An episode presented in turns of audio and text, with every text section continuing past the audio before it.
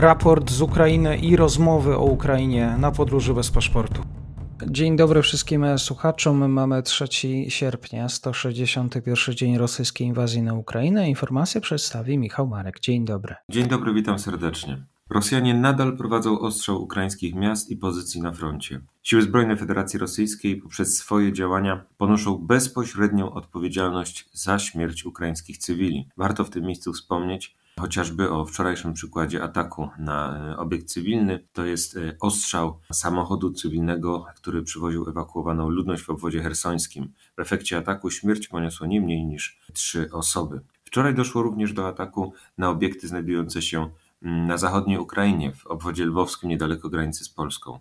Po raz kolejny Rosjanie chcą nie tylko zastraszyć ludność Ukrainy, ale również zastraszyć nas widmem możliwości zaatakowania obszarów Polski, jeśli nie przestaniemy wspierać e, Ukrainę. Działanie to może mieć związek, jeśli chodzi o aspekt y, psychologiczny, z próbą odpowiedzi na obecność kolejnych systemów HIMARS na obszarze Ukrainy.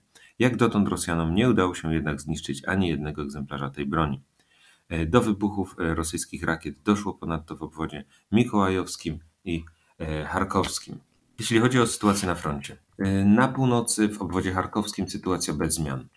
Rosjanie starają się uderzać e, na północ od Charkowa e, w stronę miasta, lecz nie mamy do czynienia z działaniami, które mogą zmusić Ukraińców do wycofania się z e, obecnie utrzymywanych pozycji.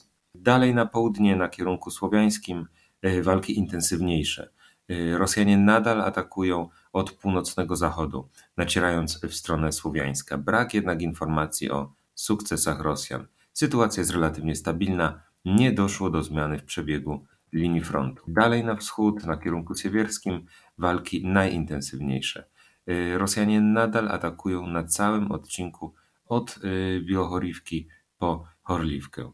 Na wschód od Siewierska y, bez zmian Rosjanom nie udało się osiągnąć sukcesu na tym odcinku.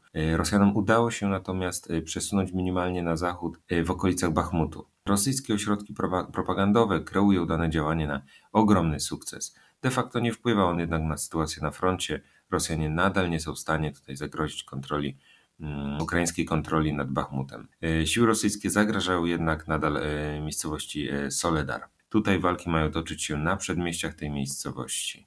Sytuacja jest jednak nadal relatywnie stabilna.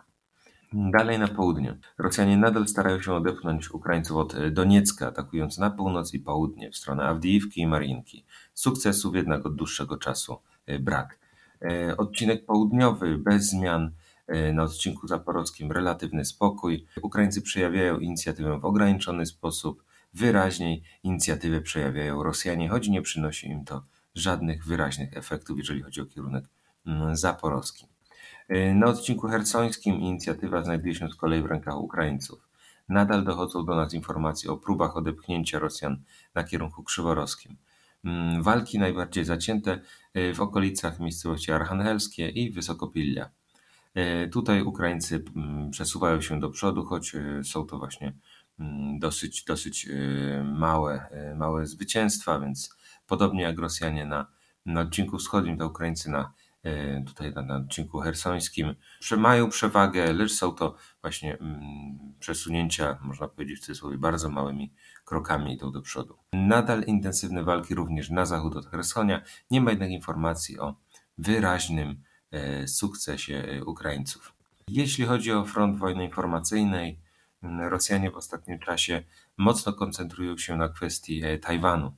Rosyjski aparat propagandowy wyraźnie wspiera Pekin, budując pozytywny obraz Chin. Działania te mają wspierać Chiny na kierunku takim jak Zachód, zachodnie kraje Unii Europejskiej oraz Afryka. Rosjanie zgodnie ze swoim interesem kreują Chiny na kraj broniący się przed zachodnim, e, to jest amerykańskim imperializmem. Budowany jest obraz istnienia e, sojuszu sił walczących o pokój i sprzeciwiających się agresji USA. No, sojusznikami, których łączy wieloletnia przyjaźń, są oczywiście Rosja i Chiny.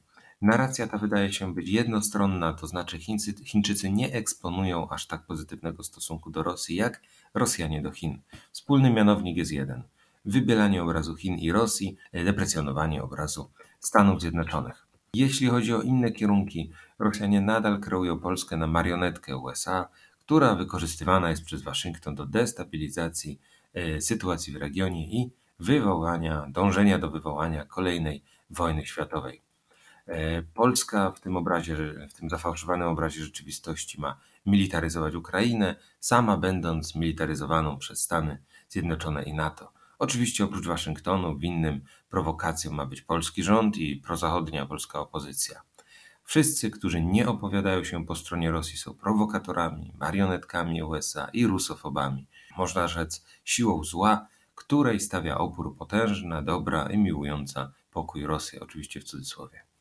Przekazy te emitowane są nie tylko na potrzeby rynku, rosyjskiego rynku wewnętrznego, co służy przekonywaniu Rosjan, iż linia polityki Kremla jest słuszna i cieszy się poparciem większości państw świata, e, w tym mm, lidera, nowego lidera świata, którym są rzekomo Chiny, lecz przekazy te ekspo, e, eksportowane są również na zachód.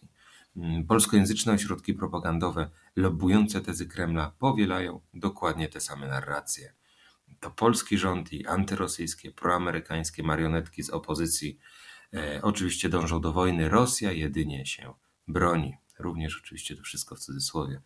Mm, Polska jest e, ponadto w tej wizji rzeczywistości okupowana, a prawdziwie polscy politycy dążą do pokoju i rozwoju kraju, ci politycy są z kolei właśnie w Polsce marginalizowani, prześladowani, wyzywani od ruskich agentów i cenzurowani przez globalistyczne amerykańskie koncerny medialne.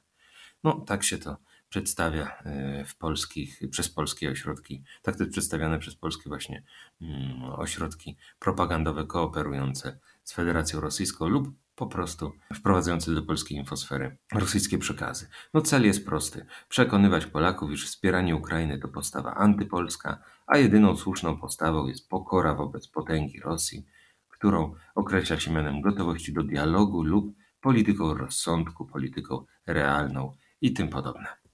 Podsumowując, najbardziej intensywne walki e, na wschodnim odcinku frontu mm, od Biłochorywki e, po Horliwkę Rosjanie wydają się odnosić tutaj minimalne sukcesy, przy czym jedynie na kierunku bachmutowskim. Wyraźnie Rosjanie koncentrują się właśnie na tym kierunku, to jest na kierunku bachmutowskim.